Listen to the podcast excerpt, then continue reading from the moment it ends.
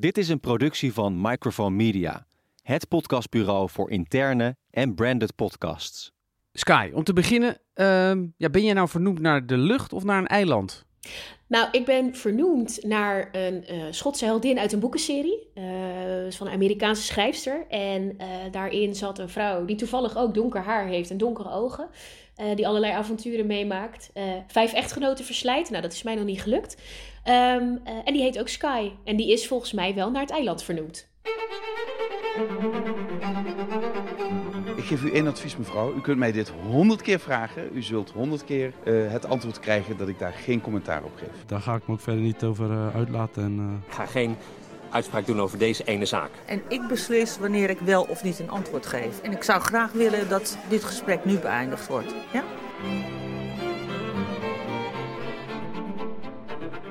Dit is Geen Commentaar, een podcastserie over crisiscommunicatie. Mijn naam is Frank Kromer en dit is seizoen 2, aflevering 3. Leuk dat je luistert. We zitten midden in de coronacrisis en in elke aflevering neem ik de gebeurtenissen van de afgelopen week door. En dat doe ik deze week met omgevingsanalist Sky van Gooswilligen. Want werkt de crisisstrategie? Hoe communiceren onze leiders? En behoudt het volk zijn vertrouwen? Ja, Sky, in elke aflevering van Geen Commentaar blikken wij terug op de communicatie van de week. De vraag ook aan jou. Wat was jouw moment? Um, hij is misschien een beetje anders dan, dan, dan wellicht uh, genoemd zou worden. Maar ik vond het moment uh, dat ik... Uh, ik was op Instagram aan het scrollen. En toen zag ik een filmpje wat doorgelinkt was vanaf Dumpert. Waarin Hugo de Jonge de gebarentolk trolt. Om weer het gebaar voor hamsteren, wat dus viraal is gegaan. om dat nog een keertje te herhalen. En daar werd ze in eerste instantie een beetje ongemakkelijk van. maar ik vond dat wel een, leuke manier om met humor nog even te benadrukken. Dat je dus niet moet gaan hamsteren. Of ook inderdaad spullen om die testen mee te kunnen uitvoeren. Hamsteren zou je het kunnen noemen. Hier, hamsteren zou je het kunnen noemen. Je kan ook denken, nou dat is best wel gevaarlijk. Een serieuze persconferentie. Maatregelen worden verlengd. Heel veel impact heeft dat voor ondernemers, maar ook voor mensen die thuiswerken. En dan toch zo'n grapje maken. Valt dat goed, zoiets? Ja, je hebt altijd twee kampen. Um, natuurlijk zal er altijd kritiek op komen. Um, uh, maar er zijn ook heel veel mensen die zoiets hadden van: oh ja, hè, dit, is, dit is even luchtig, dit is even een, een, een leuk moment tussendoor. Sowieso uh, doet uh, de gebarentolk het ontzettend goed online. Zij is echt, wordt ontzettend sympathiek gevonden. Dus het overgrote gedeelte wat ik zag was toch echt wel positief als reactie. Van Gooswillige is dus omgevingsanalist. En ja, het woord zegt het al. Zij analyseert de omgeving. Want ja, wat is nou het sentiment in de media, op social media? Hoe reageren stakeholders op de communicatie? En ja, hoe kan je dan daarop inspelen met jouw communicatie? Bij haar werk draait het om de focus. Welke groepen zijn belangrijk? Welke uh, communicatiebubbel uh, is voor jou belangrijk? Wie moet jouw boodschap ontvangen? Wie heeft er last van jouw uh, crisis, van jouw issue? Um, en vooraf uh, uh, kan ik natuurlijk wel al een beeld schetsen van, goh, ik zie op Instagram, hè, zeker in, in, in het coronavirus uh, verhaal nu, dat er veel meer positieve reacties zijn. Ik zie inderdaad op Twitter dat dat ene grote bak met je weet wel is. Um, ik zie heel veel zakelijke oproepen uh, op LinkedIn. En dus daar zit ook wel een verschil in. Maar ik vind daar eigenlijk niks van. En het is voor mij vooral belangrijk om te weten van ja, waar wil je je focus op leggen? En ik ga dus eigenlijk gewoon vissen waar jouw doelgroep zit. En waar de mensen zitten die jouw communicatieboodschap moeten hebben. Zodat jij dus zo goed mogelijk kan aansluiten op wat die buitenwereld nodig heeft. Nou, nou bevinden wij ons in een uh, mondiale crisis. Dus eigenlijk zou je kunnen zeggen, dan zijn alle kanalen belangrijk. Ja, zeker. Kijk, en je hebt natuurlijk wat je wel ziet, is dat er uh, uh, wel wordt gekozen uh, soms voor een focus. Hè, dus wat je de afgelopen week zag, is dat jongeren het, het toch nou ja, lastiger of wat laconieker zijn in het opvolgen van de, van de maatregelen. dan kan het dus wel een keuze zijn om veel meer daar te gaan kijken van oké, maar wat, wat is dan het sentiment onder die jongeren en op welke kanalen opereren zij dan? En dan zal je toch heel snel naar de nieuwere media gaan in plaats van naar een een trollenleger op Twitter. Ja, dus, dus eigenlijk wat het kabinet heeft gedaan, influencers inhuren om ja, de boodschap te verkondigen op Instagram. Nou ja, bijvoorbeeld. Hè, en daar kan ik me voorstellen dat als er een omgevingsanalist, als ik de omgevingsanalist van Mark Rutte zou zijn, dat hij wel aan mij zou vragen van oké, maar wat is dan het sentiment onder die jongeren? Zodat ze dus de boodschap die de influencers moeten uitdragen, uh, dat ze die daar dus wel op kunnen afstemmen. Waar zitten bijvoorbeeld de, uh, de tekorten in de informatie, wat dus zorgt dat zij laconiek zijn? Uh, of dat zij denken, ja, weet je, mij overkomt het toch niet. Uh, en om die boodschap af te kunnen stemmen, daar heb ik dus die focus voor nodig. Stel nou dat jij de omgevingsanalist bent van Mark Rutte of van het crisisteam. En, en je zegt, nou Mark, moet je luisteren. Er staan allemaal vervelende artikelen in de quote. En uh, bij BNR heb je zo'n economiecommentator, Kees de Kort, goed beluisterd, goed beluisterde podcast. Die, die zegt elke dag, jongens, de economie, de economie, de economie. Ik kwam een eerste cijfer tegen uit de VS, uit de staat Texas, de dienstverlening. Nou, nou, dat getal wil je gewoon niet zien. Die grafiek wil je niet zien. Die is zo huiveringwekkend slecht. Dat ik echt. Nou, ik ga vanavond op mijn blote knie op, het, op, het, op, het, op, het, op de vloer zitten om te bidden dat dat niet zo blijft. Want als dit cijfer maatgever gaat worden voor de rest. Jongen, dan is de schade echt zo oneindig groot. En jij, jij komt naar Mark. Zal hij dan zeggen: Ja, luister, dit is maar de quote. Hè, we, hebben zo, we doen het voor zoveel mensen. Neem, neem mij eens mee. Hoe, hoe gaat zoiets?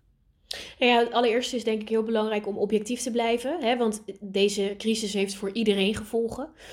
Um, uh, ik spreek ook kleine ondernemers die zelf ook aangeven: ja, ik weet gewoon niet zo heel goed waar ik aan toe ben of wat ik nou precies moet doen. En ik wil mijn winkel weer open. Um, en dat, dat begrijp ik ook ontzettend. Um, ik denk wel dat je als je daar uh, als omgevingsanalist de vraag krijgt: wat zeggen ondernemers? Dan krijg je van mij ook gewoon de rauwe waarheid. Uh, en dan zou zo'n artikel uit quote, uh, ja, dat zou ik er zeker in meenemen. Um, al is het alleen maar omdat je dus weer dan kan aansluiten op die taal van die buitenwereld. In dit geval dus de ondernemers en de mensen die bezig zijn met de economische gevolgen. Uh, want ondanks het feit dat het landsbelang voorop staat en dat het gewoon belangrijk is dat, die, hè, dat, dat dat coronavirus bestreden wordt, wordt er natuurlijk ook nagedacht over de gevolgen. En daar kan je als crisisteam maar beter van tevoren alvast bij stilstaan. Hè, dat je de oplossing nog niet hebt is oké. Um, maar dat je daar wel over na gaat denken van, oh ja, daar moeten wij in de communicatie, maar ook in onze crisisaanpak wel wat mee gaan doen.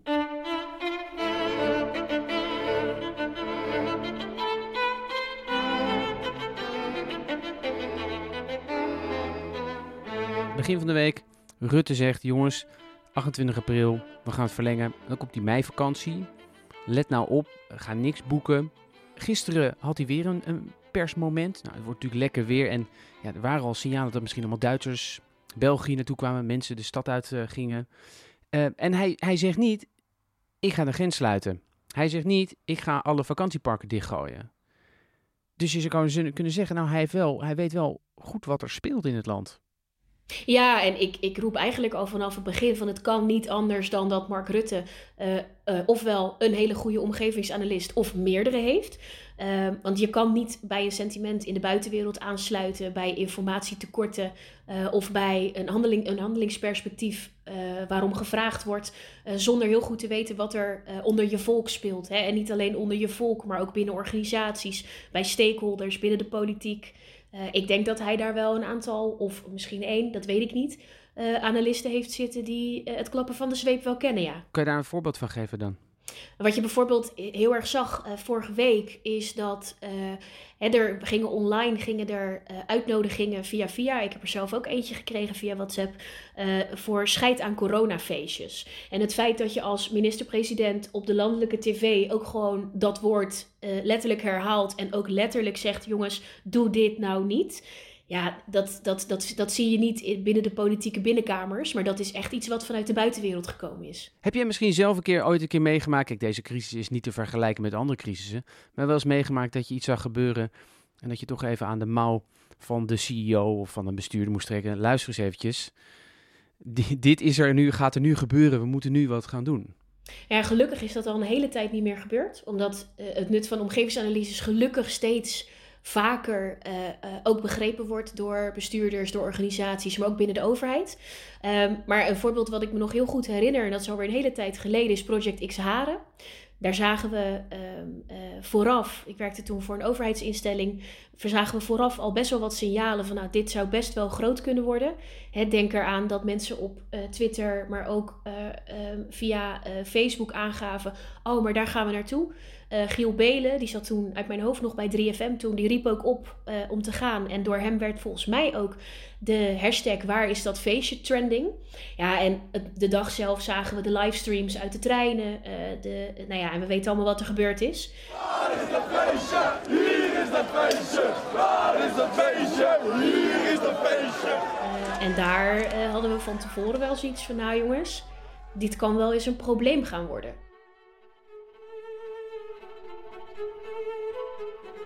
Rutte heeft dus een team van topanalisten. Althans, dat sterke vermoeden heeft van Gooswilligen. Maar ook zij moeten zien dat het sentiment al een klein beetje aan het draaien is. Niet alleen de vrees voor het virus en de gevolgen voor de economie, maar ook de impact op het persoonlijke leven wordt steeds groter. NOS, vanochtend, half negen. Kop luidt steeds meer thuiswerkers zitten er doorheen. Spanningsklachten nemen toe. Het is eigenlijk ook wel een duidelijk signaal. Dat je denkt, als, je, als ik omgevingsanalist was, denk ik ja, het zijpelt nu toch door. En in dat artikel worden ook uh, grote bedrijven aangehaald, uh, zoals de Rabobank, uh, Unilever. Die zeggen, ja, wij, wij herkennen die signalen. Ja. Dan zou je eigenlijk zeggen, nou, als ik die signalen oppik als omgevingsanalist en ik presenteer ze aan Mark Rutte, dan zou hij op een gegeven moment kunnen bedenken, ja oké, het is allemaal leuk, maar straks heb ik gewoon een heel land wat helemaal in paniek raakt, omdat iedereen moet thuiswerken.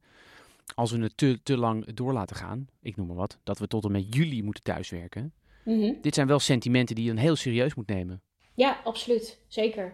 Um, en ik denk dat dat uh, niet alleen voor de politiek zo is, maar dat dat ook voor bedrijven een ontzettend belangrijke is. Um, een van de dingen die ik bijvoorbeeld bij een van de opdrachtgevers waar ik nu zit heel mooi vind, is dat het hoofdcommunicatie uh, elke dag even uh, ten eerste een update vanuit de afdeling doet, maar ook van de collega's zelf. En er worden allerlei initiatieven georganiseerd uh, om in verbinding te blijven. En ja, ik ben er dus ook zo een die als ik te lang achter een computer zit, um, en, zeker als het niet een beetje arbotechnisch verantwoord is, ja, dan krijg ik ontzettende nekklachten, krijg ik hoofdpijn. Um, uh, maar ook inderdaad het binnenzitten, ja, dat is best wel, je vraagt wel heel veel van mensen. Um, en tegelijkertijd denk ik wel, en dat zie ik ook, dat heel veel mensen juist ook oproepen uh, om thuis te blijven en dat landsbelang te dienen. Dus je ziet daar wel, uh, mensen zien daar wel ontzettend het nut van in. Maar dit, dit is wederom zo'n situatie, dit hebben we nog nooit gedaan, dit hebben we nog nooit meegemaakt. Dus het is ook learning on the job. En het is constant afstemmen uh, op wat die communicatiebehoefte is. Dus ik kan me heel goed voorstellen dat als ik dit artikel zou, zou delen met bijvoorbeeld een Mark Rutte of met een Hugo de Jonge, uh, dat daar ook gekeken wordt van oké, maar hoe kunnen we dus bijvoorbeeld bedrijven ondersteunen om hun medewerkers een beetje, ja, ik noem het maar even, werkgeluk te geven. Of in ieder geval dat ze niet gek worden thuis of dat ze niet door overwerkt raken omdat ze ik veel, te lang achter hun plekken zitten dus dat, dat is wederom zoiets, dat stem je constant opnieuw af. En je haalt constant opnieuw die signalen naar binnen. Ja, oh, dat sentiment. Um, in het begin hoorde je natuurlijk ook heel veel stemmen over ja, zo'n totale lockdown. Eigenlijk, hè, um, Geert Wilders, Thierry Baudet, die waren er heel erg voor. Ja. Ik heb het idee dat dat sentiment een beetje is gaan liggen hoe zie jij dat?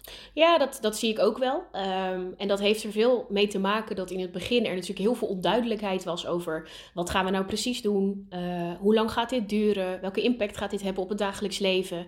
En daarnaast ook is dit een situatie, hè, bedoel, we hebben natuurlijk met de Mexicaanse griep een flink aantal jaar geleden hebben we hier ook over nagedacht. Maar ja, het is nog nooit tot zo'n ja, lockdown of in ieder geval zulke maatregelen gekomen. En wat je heel erg ziet is dat um, uh, binnen de politiek zie je dan dat er een heleboel dingen geroepen worden. Um, even los daarvan of het ergens op gebaseerd is. Dat, nou ja, dat, ik vind daar niet zoveel van. Uh, maar op het moment dat je dus ook uh, wat er nu gebeurt met zo'n intelligente lockdown, zoals we dat dan noemen, um, doe je ook een beroep op de zelfredzaamheid van mensen. Dus je betrekt mensen bij dat hele proces.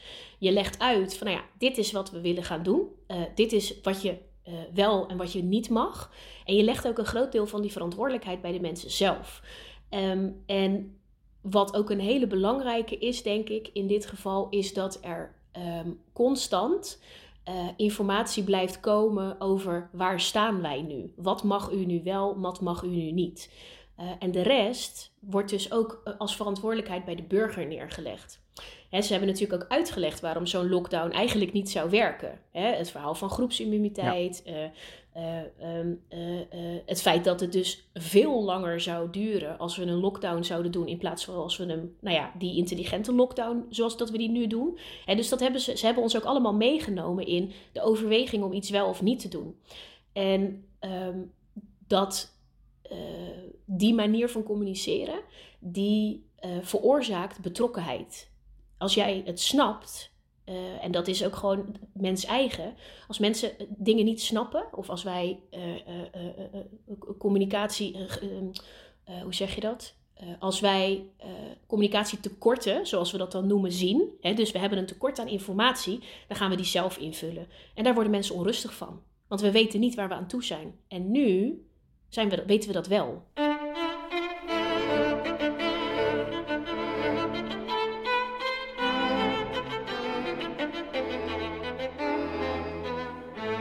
In de vorige aflevering kwam het handboek Soldaat al eventjes langs. En als ik nu naar de communicatie van onze leiders luister en kijk, dan lijkt het alsof we ons in een oorlog bevinden. Maar is dat nou eigenlijk wel zo'n goede communicatiestrategie? Nou ja, het, het, het kenmerk van uh, communiceren in een oorlog is vaak, hè, als je uh, in crisistijd zit, wordt er sowieso altijd een hele andere manier van communiceren gehanteerd. Dus het wordt, de, klappen worden veel korter. Uh, we zijn veel korter in onze communicatie. Soms achteraf dat mensen zeggen, ja, op het botten af. Uh, ik denk dat je dat wel moet voorkomen en dat je dat empathische niet uit het oog moet verliezen. Maar een crisis, uh, en zeker een crisis zoals dit, vraagt wel transparante en snelle communicatie. Uh, dat betekent dat we veel minder om de hete brei heen draaien dan dat we dat wellicht normaal gesproken zouden doen. Hè? Veel minder politiek geladen, maar eigenlijk gewoon echt zoals het is. Um, en ik vraag me ook af of dat iets slechts is. Hè? Want de, die buitenwereld, en dat zie ik ook in de analyse terug de afgelopen weken, die vraagt eigenlijk om hele concrete uh, informatie. En die vraagt ook om snelle communicatie. Dus waarom, ja, ik denk dat dat juist een, een, een goede manier van communiceren is, zolang je dat empathische en dat aansluiten op dat sentiment, wat er dus hè, bij jouw verschillende communicatiedoelgroepen heerst, zolang je daar maar op aansluit. Nou ja, als we kijken naar een oorlog, dan is er altijd een begin. We vallen een land binnen, ik noem maar wat, Amerika valt Irak binnen. Maar een kenmerk daarvan is ook dat je een hele goede exit strategy hebt. Ja, wat gaan we doen als we ja, dit een beetje onder de knie hebben? Wat zou jij nou, ja, wat zou nou een goede exit-strategie zijn voor dit kabinet? Als er toch ja, wat, wat hoop aan de horizon gloort. Um, ik denk dat een aantal dingen van ontzettend belang zijn. Ik denk dat dat heel erg begint bij uh, uh, de juiste context geven en concreet zijn. Hè? Dus transparant communiceren over waar staan wij nu. Uh, het risico wat je heel erg loopt op het moment dat jij uh, straks als overheid zegt: Oké jongens, we gaan de goede kant op. Dat mensen denken: Oh, maar dan kan ik weer naar buiten, dan kan ik weer naar kantoor. Dus als het niet duidelijk is wat je nou wel en wat je nou niet kan, dan gaan mensen wederom dus zelf die conclusies daaraan verbinden. Die gaan dus hun eigen plan trekken. Uh, dus naast transparant communiceren, duidelijk zijn, gewoon het geven zoals het is, um, is het ook ontzettend belangrijk om te vertellen: oké, maar wat mag je dan nu? Dus dat handelingsperspectief, dat zal echt nog wel een aantal keer aangescherpt, losser gemaakt worden. Maar het is belangrijk om te weten: oké, waar staan we nu? Wat kunnen we dan wel? Wat kunnen we dan niet? En vooral ook uh, benadrukken dat het nog niet klaar is. Dus het is niet in één keer, oh, we hebben corona onder controle. Oké, we kunnen weer terug naar het gewone leven. Um, en daarbij hoort als laatste dus ook dat je vertelt wat je weet en ook wat je dus nog niet weet. Um, Ina Strating, een vakgenoot van, uh, van mij, die geeft ook altijd aan: geïnformeerd wachten geeft rust. En als je transparant uh, informeert, dan geeft dat rust. En zeker als je daarbij vertelt wat mensen dus al wel en wat ze dus al niet mogen. Dit was geen commentaar voor deze keer. En ook volgende week kijken we hoe we er dan voor staan. En of de communicatie effectief is geweest. Of niet. Mijn naam is Frank Kromer. Tot de volgende keer.